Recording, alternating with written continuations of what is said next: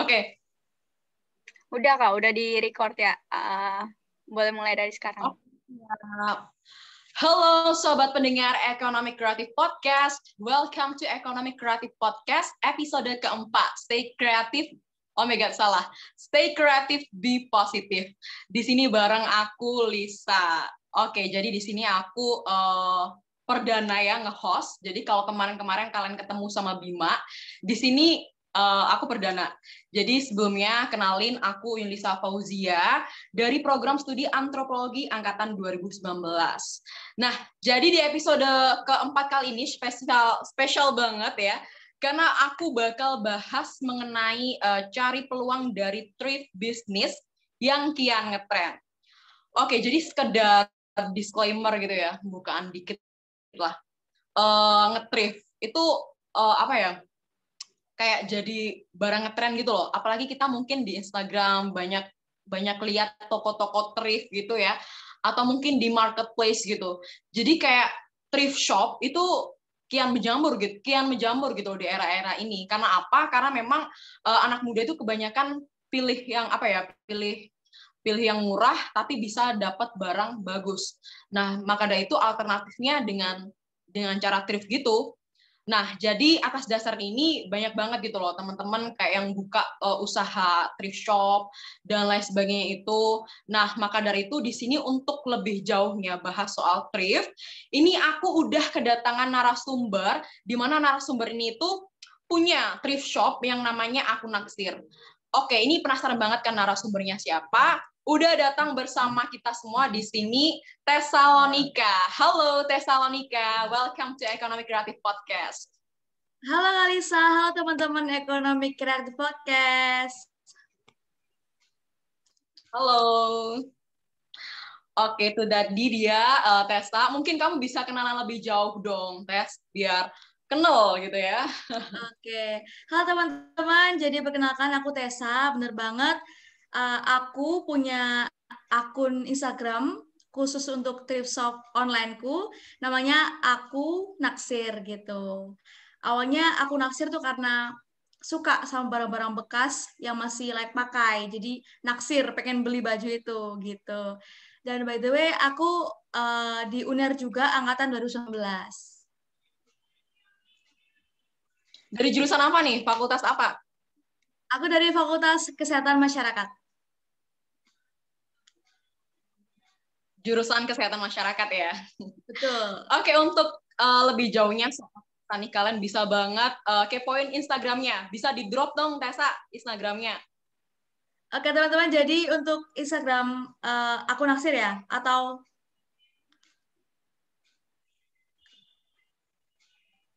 Iya, Instagram kamu pribadi biar bisa uh, nambah followers nih. Oke, okay. teman-teman bisa berteman sama aku di Instagram di @tesa L O O A gitu, double O. Gitu deh. Perasaan Tessa ini punya akun YouTube juga nggak sih kayak beauty influencer gitu? Mungkin bisa di drop juga dong. Tes lumayan kan nanti nambah subscriber. Iya nih teman-teman. Jadi kemarin sempat iseng bikin YouTube channel uh, tentang beauty beauty gitu. Tapi sekarang lagi break nih YouTube-nya. Tapi nggak apalah.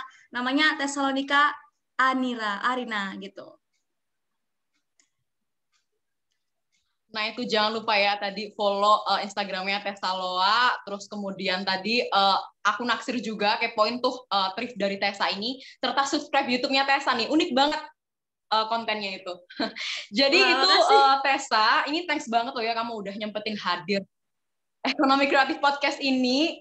Uh, ya udahlah basa-basi dulu lah ya. Uh, gimana nih kabar kamu? Lama banget. Kabarku baik banget. Uh, hari-hari ini kan masih libur kan, jadi masih belum ada kuliah karena break hari raya kan, jadi masih baik banget. Oke, ya udah sih. Uh, yang penting sehat lah ya, dan terutama Amin. untuk para pendengar semuanya di mana pun berada di di rumah, lagi rebahan, mungkin lagi catatan sama doi, ya ya nggak apa-apa. Pokoknya sempetin lah ya dengerin uh, Ekonomi Kreatif Podcast. Hmm, dan pokoknya sehat-sehat selalu dari aku. Oke Tessa, jadi um, kita masuk ke pembahasan nih. uh, mungkin kenapa sih kamu kok usaha thrift gitu? Usaha thriftnya itu dalam hal baju, karena memang thrift itu kan sebenarnya gak hanya fashion aja kan. Tapi kenapa kamu milih uh, usaha thrift baju? Apa sih alasanmu? Oke, pada awalnya emang aku orang yang tertarik banget sama kayak baju. Aku suka banget beli baju, tapi satu sisi kan tuh boros kan, boros dan juga kadang kalau emang beli baru cenderung mahal. Nah, aku iseng-iseng nih, mungkin ada juga orang lain mikir kayak aku. Jadi aku memfasilitasi untuk aku bikin thrift shop buat teman-teman aku di sekitar circle-circleku. Nah, gitu. Selain itu, um, thrift shop baju ini juga butuhin budget yang kecil ya. Jadi buat mahasiswa yang pengen belajar bisnis, bisa banget kayaknya untuk coba thrift shop ini. Selain itu, um, untuk pemasarannya juga mudah karena targetnya kan teman-teman kita sendiri. Kalau aku gitu. Jadi teman-teman kampus itu target utamaku. Dan juga harganya cukup, cukup terjangkau jadi buat kantong mahasiswa tuh bisalah gitu kan. Dan juga peminat baju thrift ini cukup banyak. Uh, aku juga sempat kayak survei dikit-dikit suka nggak sih sama baju-baju thrift gitu ternyata mereka juga suka gitu Selain itu juga sekali lagi ini buat saran aku belajar sih, belajar bisnis kecil-kecilan dan juga bisa nambah uang saku di kuliah gitu, Kak Lisa. Oke, Tessa. Iya sih benar banget sih kamu. Jadi kamu itu kayak memanfaatin peluang juga gitu ya dari thrift berupa baju itu yang lagi ngetren terus kamu mengail peluang dari hal itu gitu. Ya kayak mantep sih kamu uh, iya sih aku lupa tadi nyanyain soal uh, thrift. Mungkin uh, ada yang nggak tahu gitu ya soal thrift ini. Mungkin masih asing di sebagian uh, kalangan gitu soal thrift ini. Dan menurut kamu apa sih itu thrift, Tessa? Oke, thrift itu sebenarnya kan uh, barang bekas ya. Jadi thrift itu bisa dalam bentuk apa pun, misalnya baju, tas, sepatu, buku, atau produk-produk rumah tangga itu yang bekas itu bisa disebut dengan thrift bahasa kerennya gitu. Nah, biasanya kan uh, emang thrift itu kan barang bekas. Jadi emang kebanyakan nggak 100% mulus, tapi banyak juga nih yang masih layak pakai. Oke, itu tadi ya soal thrift dari uh, Tessa. Dan uh, itu kan aku tahu sih di Instagrammu itu kamu kayak menarik banget ya. Tadi kan kamu juga bilang soal pemasarannya sih. Nah, dari uh, postingan-postingan kamu secara kayak apa namanya caption dan lain-lain terus link di bio itu itu menarik banget tau gak sih? Jadi kamu kayak kata-katanya itu kayak gaul gitu loh, anak muda banget. Jadi itu mungkin jadi salah satu strategi kamu gitu gak sih? Dan kemudian strategi yang kamu kembangin buat thrift shop ini apa aja sih, Tes? Oke, yang pertama ya yang pertama mungkin aku uh, strateginya adalah analisa dulu ya pasarnya ya. Aku mau targetnya ke siapa nih yang bakalan beli di thriftku, siapa aja. Terus minatnya mereka itu ke mana, ke arah mana. Kalau masalah fashion, kalau hari-hari ini teman-teman aku tuh sering banget suka sama yang kayak crew neck gitu. Jadi itu kan hijab friendly juga, jadi bisa dibuat dipakai sama semua orang juga gitu. Selain itu, aku juga udah merencanakan nanti strategi pemasaranku gimana ya. Uh, kalau lewat sosial media apa ya yang bisa di reach sama teman-teman aku ya udah deh aku pilih Instagram selain itu aku juga cari informasi nih dan referensi tentang thrift shop atau toko di mana aku mau beli baju-baju itu dan aku jual lagi. Selain itu setelah aku udah merencanakan itu aku datang nih ke thrift shop itu yang offline. Aku datang Aku pilih-pilih tuh awalnya, aku pilih-pilih baju yang emang sesuai minat aku, selera aku dan juga sesuai selera sama minat konsumen gitu. Dan yang paling penting harus dipertimbangkan kualitasnya yang masih bagus dan bahkan kalau bisa cari yang like new, yang kayak baru gitu.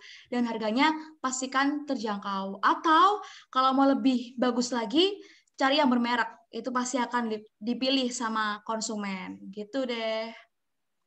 Oke, jadi emang harus market oriented juga ya. Jadi harus tahu uh, tujuan pasar itu harus jelas. Jadi biar kita jelas juga gitu dalam ngerancangnya. Oke, aku setuju banget sih emang itu penting banget dalam hal bisnis. Kita harus mengetahui dengan jelas uh, tujuan pemasaran kita Jadi biar promosi kayak misalnya strategic promotion itu juga bisa jelas juga. Uh, terus kamu tadi uh, promo apa namanya promosinya itu lewat di Instagram atau mungkin ada kayak suatu marketplace tersendiri gitu kayak memanfaatkan Shopee, Lazada atau yang lain-lain? Oke, kalau aku sampai saat ini masih memanfaatkan pure Instagram aja sih gitu. Kalau untuk ke Shopee aku masih belum mengarah ke sana nih karena ada pajaknya sendiri kan ya. Jadi aku masih belajar akan uh, mekanisme di Shopee gitu. Jadi aku tetap fokus di Instagram dulu. Terus kalau mau pengiriman ya tinggal via WhatsApp dan direct message aja yang di Instagram gitu.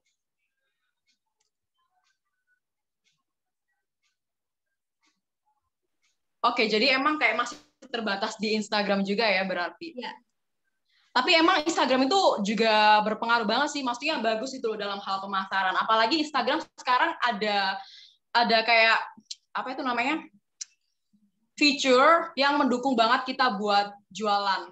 Apa sih itu namanya fiturnya kalau kamu uh, tahu? Atau oh, mungkin kamu manfaat uh, Instagram bisnis gitu ya sekarang? Hmm, benar, Instagram bisnis. Hmm, ya. Yeah. Oke oke, jadi emang uh, sekarang tuh ngedukung banget ya online kayak gini dan itu pokoknya berpengaruh sama hasil penjualan kita. Betul.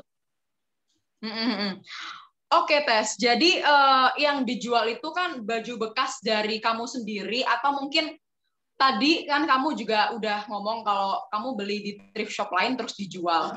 Atau mungkin kamu kayak itu. Jadi sebelumnya aku kan juga pelajari lah ya soal thrift shop. Aku lihat di YouTube dan sebagainya. Itu kan ada gitu kayak orang yang kayak restock uh, baju thrift. Kayak misalnya itu satu bal. Jadi namanya itu satu bal. Per satu balnya itu biasanya ada isinya baju atasan doang. Terus kemudian kayak baju bawahan doang Nah, itu satu balnya itu dihargai sekitar 700 sampai 1 juta. Nah, itu mungkin kamu memanfaatkan itu atau gimana? Ya, kalau aku sendiri, uh, sebelum aku mau beli-beli untuk aku jual lagi, aku tanya-tanya nih ke penjualnya yang udah benar-benar lama nih di perbekasan baju-baju gitu. Dan ternyata um, negatifnya dari bol-bol itu atau beli baju yang per bol itu ada kemungkinan ada baju yang benar-benar nggak layak gitu. Nah itu banyak banget. Uh, satu karung itu mungkin bisa uh, 50% atau berapa gitu yang emang kurang layak, yang mungkin nggak sesuai sama minat atau tren sekarang. Jadi kalau aku sendiri, aku lebih ke arah milih-milih sih. Jadi aku nggak beli per bol itu. Karena ya itu aku masih belum bisa nerima resikonya. Aku lebih prefer untuk pilih yang sesuai selera aku tadi sama yang sesuai selera sama konsumen. Jadi setidaknya ada kemungkinan, ada probabilitas bahwa itu akan lebih laku gitu, sesuai sama minatnya konsumen aku gitu. Oke, jadi ini strategik banget sih, uh, menarik juga. Kalau memang kalau kita uh, beli satu ball itu mungkin juga resikonya kita bakal rugi sendiri gitu ya karena memang nggak iya. jamin 100% bakal bagus-bagus dan sesuai dengan selera konsumen tetapi dengan cara Tesa ini jadi harus karena kan tadi strateginya uh, konsum konsumen oriented ataupun uh, market oriented gitu loh jadi memang dipilih-pilih mana yang bagus dulu yang mana yang uh, sesuai yang lagi ngetren sesuai selera dari konsumen itu. Ini cara dari Testa ini bisa banget loh bikin inspirasi buat kalian. Hmm, terus gini tes, ada nggak sih kayak cara ya? Tadi kan soal sortir-sortir juga. Ada nggak sih strategi khusus buat menyortir baju? Di mana itu baju itu layak pakai atau enggak? Karena gini kan mungkin layak pakai bagi kita itu biasanya juga beda gitu loh. Layak pakai menurut konsumen. Ada nggak sih strategi tersendiri dari kamu Oke, nah uniknya nih, kalau aku sendiri uh, sortir baju tuh lama banget, karena aku bener-bener kayak picky, harus bener pilih baju yang layak banget uh, sesuai standar aku dan pastinya baik untuk konsumen aku. Nah, aku tuh biasanya ngecek nih dengan teliti banget bajunya dari atas sampai bawah gitu. Ada nggak sih sobek-sobekan gitu kan? Karena baju bekas rawan banget untuk ada yang sobek atau ada yang lubang gitu gitu kan. Terus untuk warna juga pastikan tuh warnanya tuh masih light new, kayak bagus, nggak luntur gitu. Karena baju dilihat kualitasnya bagus enggaknya itu dari warna dan dari model sih kalau nggak salah gitu. Selain itu ukuran sih ukuran. Kalau um, anak-anak masa kini ya itu sering banget suka sama baju yang oversize. Gak tau kenapa ya. Aku sering suka sih baju sama oversize, lebih nyaman dan juga uh, untuk style fashionnya gampang. Jadi kalau aku lebih prefer pilih yang oversize dan bisa dipakai oleh semua kalangan um, konsumen aku gitu. Selain itu untuk pilih atau sortir baju, pastiin modelnya itu masih ngetren, masih hits di sekarang. Untuk milenial nih masih layak pakai. Kayak gitu sih, Kalisa. Oke, itu tadi beberapa tips dari Tessa, gimana caranya kita menyortir baju yang emang layak banget buat dijual gitu. Oke, terus gini Tes, uh, kan uh, thrift yang aku omongin di awal tadi bahwa thrift itu juga sebagai alternatif buat uh, kita kita kalangan mahasiswa ya yang biasanya uh, rawan bokek dan sebagainya. itu kan jadi kayak uh, buat alternatif gitu. Kita pengen beli baju bagus, pengen beli baju branded dengan harga yang murah ya walaupun bekas, tapi ya uh, masih worth it lah buat kita pakai gitu. Nah terus dengan murahnya harga uh, dari thrift shop ini apakah itu nggak menimbulkan suatu konsumerisme gaya baru gitu di lingkungan uh, anak muda zaman sekarang. Nah ini menurut kamu gimana nih tes? Hmm, menurutku sih ini masih uh, aman-aman aja sih. Kalau menurut Kalisa gimana ya?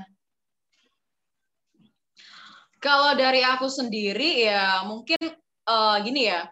Kalau memang asalkan itu belinya dalam batas wajar, gak berlebih atau mungkin gak uh, menyita uang dari dompet kita secara berlebihan. Jadi menurut aku aman-aman aja sih, gak menimbulkan suatu konsumerisme. Tapi kalau memang kita belinya itu, wow, banyak-banyak gitu kan. Ya, menurutku itu kayak suatu konsumerisme tersendiri, walaupun yang kita beli itu tetap murah gitu loh. Jadi kembali lagi ya eh, dalam konsep uh, mengenai uh, kelebihan atau enggaknya itu. Jadi memang sesuatu yang berlebihan juga nggak baik juga ya kan. Nah maka dari itu ya dari aku sendiri asalkan jangan berlebih gitu aja sih. Iya. Nah itu Dan sih menurut aku. sesuai uh, kebutuhan ya. Oke, jadi ini pertanyaan aku jawab sendiri. It's okay. Oke, okay, Tessa. Oh, terus gini, kamu kan juga organisasi kan. Ini aktif banget loh, teman-teman. Asal kalian tahu, Tessa ini Kadif dari PSDM BEM FKM. Uh, keren banget. Terus tes pertanyaannya, kamu gimana nih bagi waktu ya antara usaha thriftmu itu dengan organisasi terus kuliah juga dan lain sebagainya? Gimana sih? Mungkin bisa tips lah ya buat calon-calon usahawan yang mau ngerintis thrift shop atau apalah gitu. Ya, mungkin untuk manajemen waktu atau manajemen tugas-tugas aku, aku juga masih belajar. Tapi yang bisa aku sharingkan ke teman-teman itu, yang pertama adalah kalau kita sebagai mahasiswa, kita kan kuliah. Nah, itu dia prioritas kita. Jadi, uh, sebelum aku ngelakuin yang lain, aku aku harus menyelesaikan tugas-tugas kuliahku dulu. Ikut kelas dan juga ngerjain tugas. Jangan sampai mepet deadline ya, teman-teman. Karena nanti hmm, nanti malah nggak hasilnya nggak optimal gitu. Dan juga hmm, setelah semua tugas kuliah sudah, baru deh organisasi dulu. Kira-kira ada nggak tugas-tugas dan apa nggak ada nggak program kerja yang emang harus dikerjain mendekat ini gitu. Skala prioritas sih sebenarnya. Terus, nah di waktu-waktu luang aku buat untuk um, ngurusin si trip shop ini. Jadi misalnya weekend nih, weekend kita lagi free jadi aku ke offline store dari thrift shop, aku pilih-pilih, aku store, sortir, aku juga cuci dan aku packing-packing sendiri gitu. Jadi uh, kalau teman-teman suka sama kegiatan yang bervariasi, boleh banget dicoba karena seminggu itu teman-teman bisa full kegiatan gitu. Seru banget deh teman-teman. Seru banget. Ini pinter manajemen banget sih Tessa ini. Intinya prioritas ya itu Iya emang. Uh, jadi semuanya yang penting skala prioritas sih. Oke. Okay. Uh, eh, terus saya balik sih ke thrift ini agak agak random juga pertanyaannya. Uh, jadi kan kamu tadi jual thrift berupa produk-produk fashion gitu ya, terutama baju. Nah, dari kamu sendiri kan uh, thrift itu gak hanya baju kan. Terus kamu kenapa sih apa kayak nggak jualan kayak mungkin thrift dari buku atau mungkin skincare apalagi kamu juga seorang beauty antusias. Terus kamu juga suka buku kan? Atau apa kamu mungkin nggak ada niatan buat jual thrift dari jenis itu gitu? Oke untuk saat ini mungkin aku lebih tertarik ya di um, thrift baju gitu. Karena aku sendiri suka sama baju gitu. Kalau emang nyoba untuk jualan um, yang untuk produk kecantikan mungkin akan lebih beresiko ya karena kan ada expired date-nya. Nah, itu sih yang aku pertimbangkan. Selain itu kalau untuk buku-buku, hmm, aku bukan orang yang suka buku ya. Jadi lebih prefer ke baju nih, Kalisa. Jadi baju aja sih aku sekarang gitu. Oke, Tessa. Jadi emang fokus aja ya. Fokus satu kita dalemin gitu. Ya. Oke uh, bicara soal keuntungan nih, ini mungkin bisa banget menstimulasi teman-teman yang ada di rumah ya, buat apa namanya usaha thrift shop ini. Karena kalau kita lihat jreng-jreng dolar, jreng-jreng uang gitu mungkin bisa tersemangat gitu loh. Oke, bicara soal keuntungan yang diraup Tessa dari jualan thrift shop ini berapa sih? Kayak dari dari segi omset lah mungkin per bulan gitu. Oke, jadi teman-teman, kalau aku sendiri kan masih belajar juga ya. Jadi aku untuk beli bajunya itu per minggu kalau waktu itu ya. Sebelum aku lagi sibuk semuanya kuliah sekarang nih. Jadi kemarin tuh aku per minggu beli bajunya gitu. Jadi misalnya nih aku seminggu itu dapat 20 baju misalnya. 20 baju itu misalnya aku dapat itu kalau mau beli thrift itu harus pinter-pinteran dari teman-teman sendiri ya untuk bisa nawar ke penjualnya. Apalagi kalau teman-teman belinya dalam jumlah besar, pasti dapat diskon. Nah, itu bisa banget untuk nambah keuntungan teman-teman dari situ. Nah, misalnya aku dapat 20 baju dan aku dapat di range harga 30 ribuan deh gitu. Nah, satu baju kan 30 itu. Dan terus aku uh, lihat di pasar nih. Kalau di pasar, di Instagram juga, itu untuk baju-baju ini kan masih layak pakai banget. Bisa banget dijual di harga range 70 atau 60 ribu. Itu masih bisa banget, masih wajar banget dan masih kebeli sama teman-teman yang lain. Nah, kebayang banget kan kalau satu baju aja udah untung 30 ribuan, apalagi kalau 20 baju gitu. Itu udah dapat laba bersih 600 ribu kalau teman-teman pintar-pintar dalam milih dan pemasarannya gitu. Gila juga nih ya keuntungannya. Jadi emang bener-bener prospeknya ini tinggi banget loh teman-teman. Yes. Uh, kalau misalnya kita bisa memanfaatkan peluang dari thrifting bisnis ini, hmm, jadi tertarik juga nih. Yuk.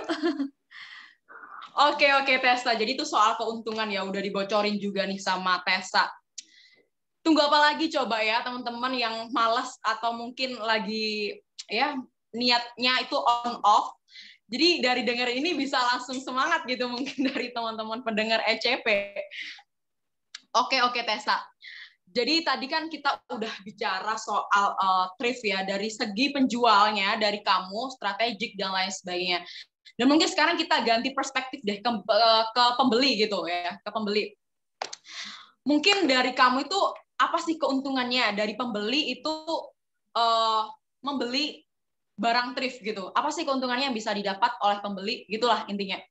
Oke, kalau posisikan sebagai pembeli nih, yang pastinya kita dapat barang-barang atau baju yang masih bagus banget dalam harga yang terjangkau dan murah gitu. Selain itu, um, kalau baju-baju yang bekas itu terkadang bajunya tuh unik-unik gitu. Dan kadang orang-orang tuh nggak pada punya. Jadi eh, nggak uh, ada yang ngembarin gitu loh. Dan terus juga kalau untuk baju uh, bekas itu teman-teman gampang banget carinya di Instagram gitu. Karena sekarang banyak banget thrift shop yang ada. Jadi fasilitas atau platform untuk teman-teman beli sebagai konsumen besar. Jadi kenapa nggak thrift shop aja gitu oke oke siap jadi memang uh, keuntungannya dari segi pembeli itu juga banyak juga ya, di mana kita juga bisa apa memperoleh baju yang unik, nggak ngembarin ya, aduh sungkan hmm, banget. Betul. Bertemu di suatu event, eh bajunya kembar ya ampun. Gak bayangin banget deh. Kamu ada nggak sih thrift, uh, rekomendasi thrift shop gitu yang offline, mungkin dari kamu sendiri gitu? Jadi emang sebenarnya dari aku nggak saranin sih ya di era pandemi kayak gini buat belanja di offline gitu. Mungkin kita bisa belanja aja lah di online kayak di akun naksir ini gitu. Tapi hmm. mungkin kamu ada rekomendasi gitu loh tes kayak uh, thrift shop offline mungkin bisa buat uh, wishlist dari teman-teman atau mungkin juga dia sekedar wawasan aja lah. Oke, okay. Mungkin aku bisa ngasih uh, saran nih buat teman-teman karena sebenarnya di internet di YouTube banyak banget yang bikin vlog uh, untuk thrift shop, tapi ini aku kasih ini list teman-teman untuk memudahkan teman-teman. Misalnya ada kesempatan untuk ke sana saat pandemi ini selesai. Amin. Nah, di Jakarta nih misalnya di Jakarta ada Pasar Senen, Pasar Santa, terus juga ada di Pasar Kebayoran, di Blok M Square, terus juga ada di Metro Atom Plaza, Glodok Plaza itu banyak banget teman-teman dan di sana harganya tuh kalau teman-teman pinter untuk nawarnya tuh bahkan bisa dapat 10.000 ke bawah loh gitu. Nah, ada lagi yang di Surabaya misalnya di Pasar Gebong, Tebasan itu. Kemudian di Jalan Pahlawan karena banyak banget uh, event-event orang-orang pada jualan di pinggir-pinggir jalan gitu untuk jualan baju-baju bekas dengan harga yang sangat terjangkau. Oke, siap. Jadi itu tadi uh, list-list dari rekomendasi thrift shop offline yang bisa banget buat kalian kunjungin. Tapi aku nggak rekomendasi ya di era pandemi sekarang. Yang penting sekarang kita cari aman aja. Ya dengan belanja uh, online thrift, thrifting shop ya dengan aman. Ya mungkin bisa uh, aku rekomendasiin di sini. Aku naksir itu bagus-bagus banget barangnya. Tadi soalnya aku sempat scrolling juga ya stalker. Oke, tes satu lagi nih. Uh, jadi kan kita thrifting shop itu beli barang bekas. Nah, dari kalangan mahasiswa sendiri kan mungkin ada gitu ya rasa gengsi dan lain sebagainya buat beli barang bekas. Nah, gimana sih menurut kamu akan hal tersebut? Gimana kita biar gak gengsi gitu loh buat beli barang thrift gitu? Hmm. Kalau menurut aku, eh, kita nggak perlu gengsi sih. Karena apa? Kalau kita percaya diri, kalau kita punya tips untuk mix and match baju itu, kita bakal kelihatan keren kok gitu gak sih Kalisa gitu. Jadi teman-teman nggak perlu untuk gengsi karena selagi teman-teman pilih baju yang emang layak dan bagus aja dan cocok buat uh, style dan tipe teman-teman dan juga pintar untuk mix and match bajunya itu malah kelihatan keren banget tau dengan harga yang terjangkau aku setuju banget sih soal Tessa ini. Jadi emang kita harus pinter-pinter mix and match. Jadi ya tetap kelihatan uh, bagus gitu kitanya. Oke, okay, jadi emang uh, aku juga pernah dengar sih uh, soal apa namanya dari gengsi-gengsi gini. Jadi mungkin dengan gengsi kalian uh, bakal bermental miskin gitu.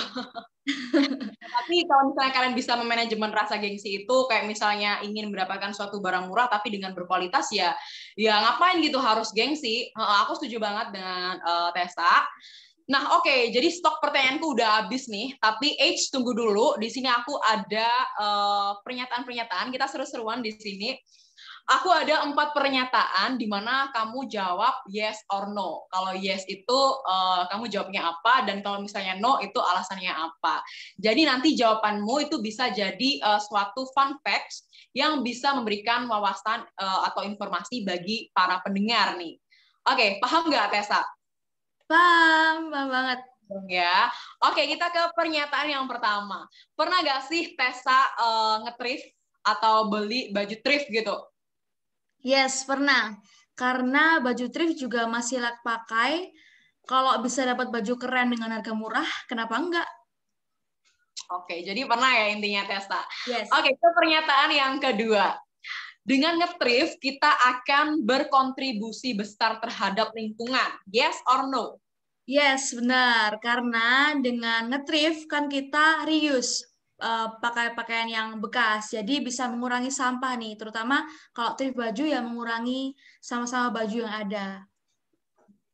Oke, jadi itu ya. Jadi kita turut berkontribusi besar kepada lingkungan dengan nge ya. Apalagi apa ya banyak gitu loh banyak orang yang uh, kalangan menengah ke atas kalau misalnya memakai baju itu mungkin sekali dua kali pakai itu udah udah dibuang gitu loh udah nggak dipakai hmm. lagi dan itu pasti menumpuk dan malah memba, apa ya memberikan dampak bagi lingkungan, mencemari lingkungan tentunya ya karena bikin banyak sampah yang ada gitu loh. Jadi karena memang masih satu dua kali pakai, masih worth it buat dipakai, kenapa enggak gitu loh buat kita ngetrif karena memang dampaknya besar juga terutama pada lingkungan. Ini good banget sih. Oke, kita ke pernyataan yang ketiga. Thrift dan pre-love memiliki pengertian yang sama. Yes or no? No. Jadi kalau menurutku thrift, thrift itu kan uh, identik sama barang bekas atau barang second. Bisa aja dari orang lain, dari luar negeri, dan pokoknya bukan dari kita sendiri. Nah, kalau barang pre-love itu artinya kita, um, artinya barang itu adalah bekas pemakaian pribadi kita gitu. Jadi aku pernah pakai baju ini misalnya. Nah, aku pre-love baju ini, aku jual kembali itu namanya baru pre-love. Oke, dari jadi dari bedanya itu uh, segi pemakainya ya. Iya. Oke. Uh, pernyataan yang keempat sekaligus yang terakhir, uh, ngetrif hanya untuk barang fashion saja. Yes or no, Tessa?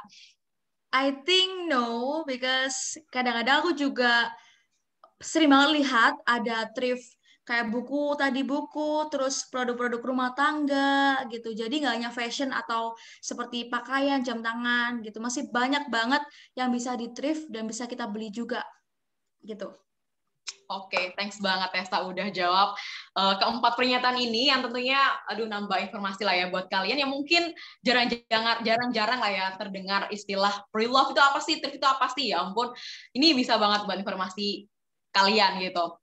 Oke Tessa, thank you banget ya udah sharing soal bagaimana strategi kita um, mulai thrifting bisnis. Tentunya bermanfaat banget buat para pendengar yang mungkin lagi ngerintis atau yang lagi ada niatan dan lain sebagainya itu mungkin bisa uh, terdongkrak gitu ya. Thanks banget ya Tessa atas kesempatannya. Sama-sama. Terima kasih juga Ekonomi Kreatif Podcast dan Kalisa. Oke, okay, thank you banget Tessa. Jadi itu tadi Sobat Ekonomi Kreatif Podcast, uh, penjelasan dari Tessa, kita bincang banyak, kita ngobrol banyak soal dunia thrifting begitu ya. Jadi uh, buat kalian yang mau usaha thrifting dan sebagainya, kalian wajib banget dengerin podcast ini, karena memang bisa ngasih inspirasi buat kalian.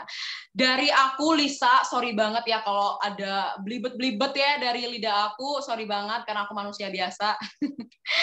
Oke, okay, jadi uh, thanks banget buat episode kali ini. Uh, jangan lupa saksikan, eh kok saksikan, jangan lupa dengerin Economic Creative Podcast uh, setiap bulannya ya, akan up satu kali dalam sebulan begitu.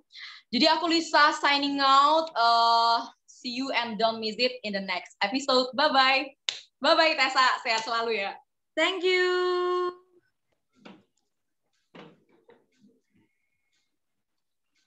Oke, udah selesai Angel.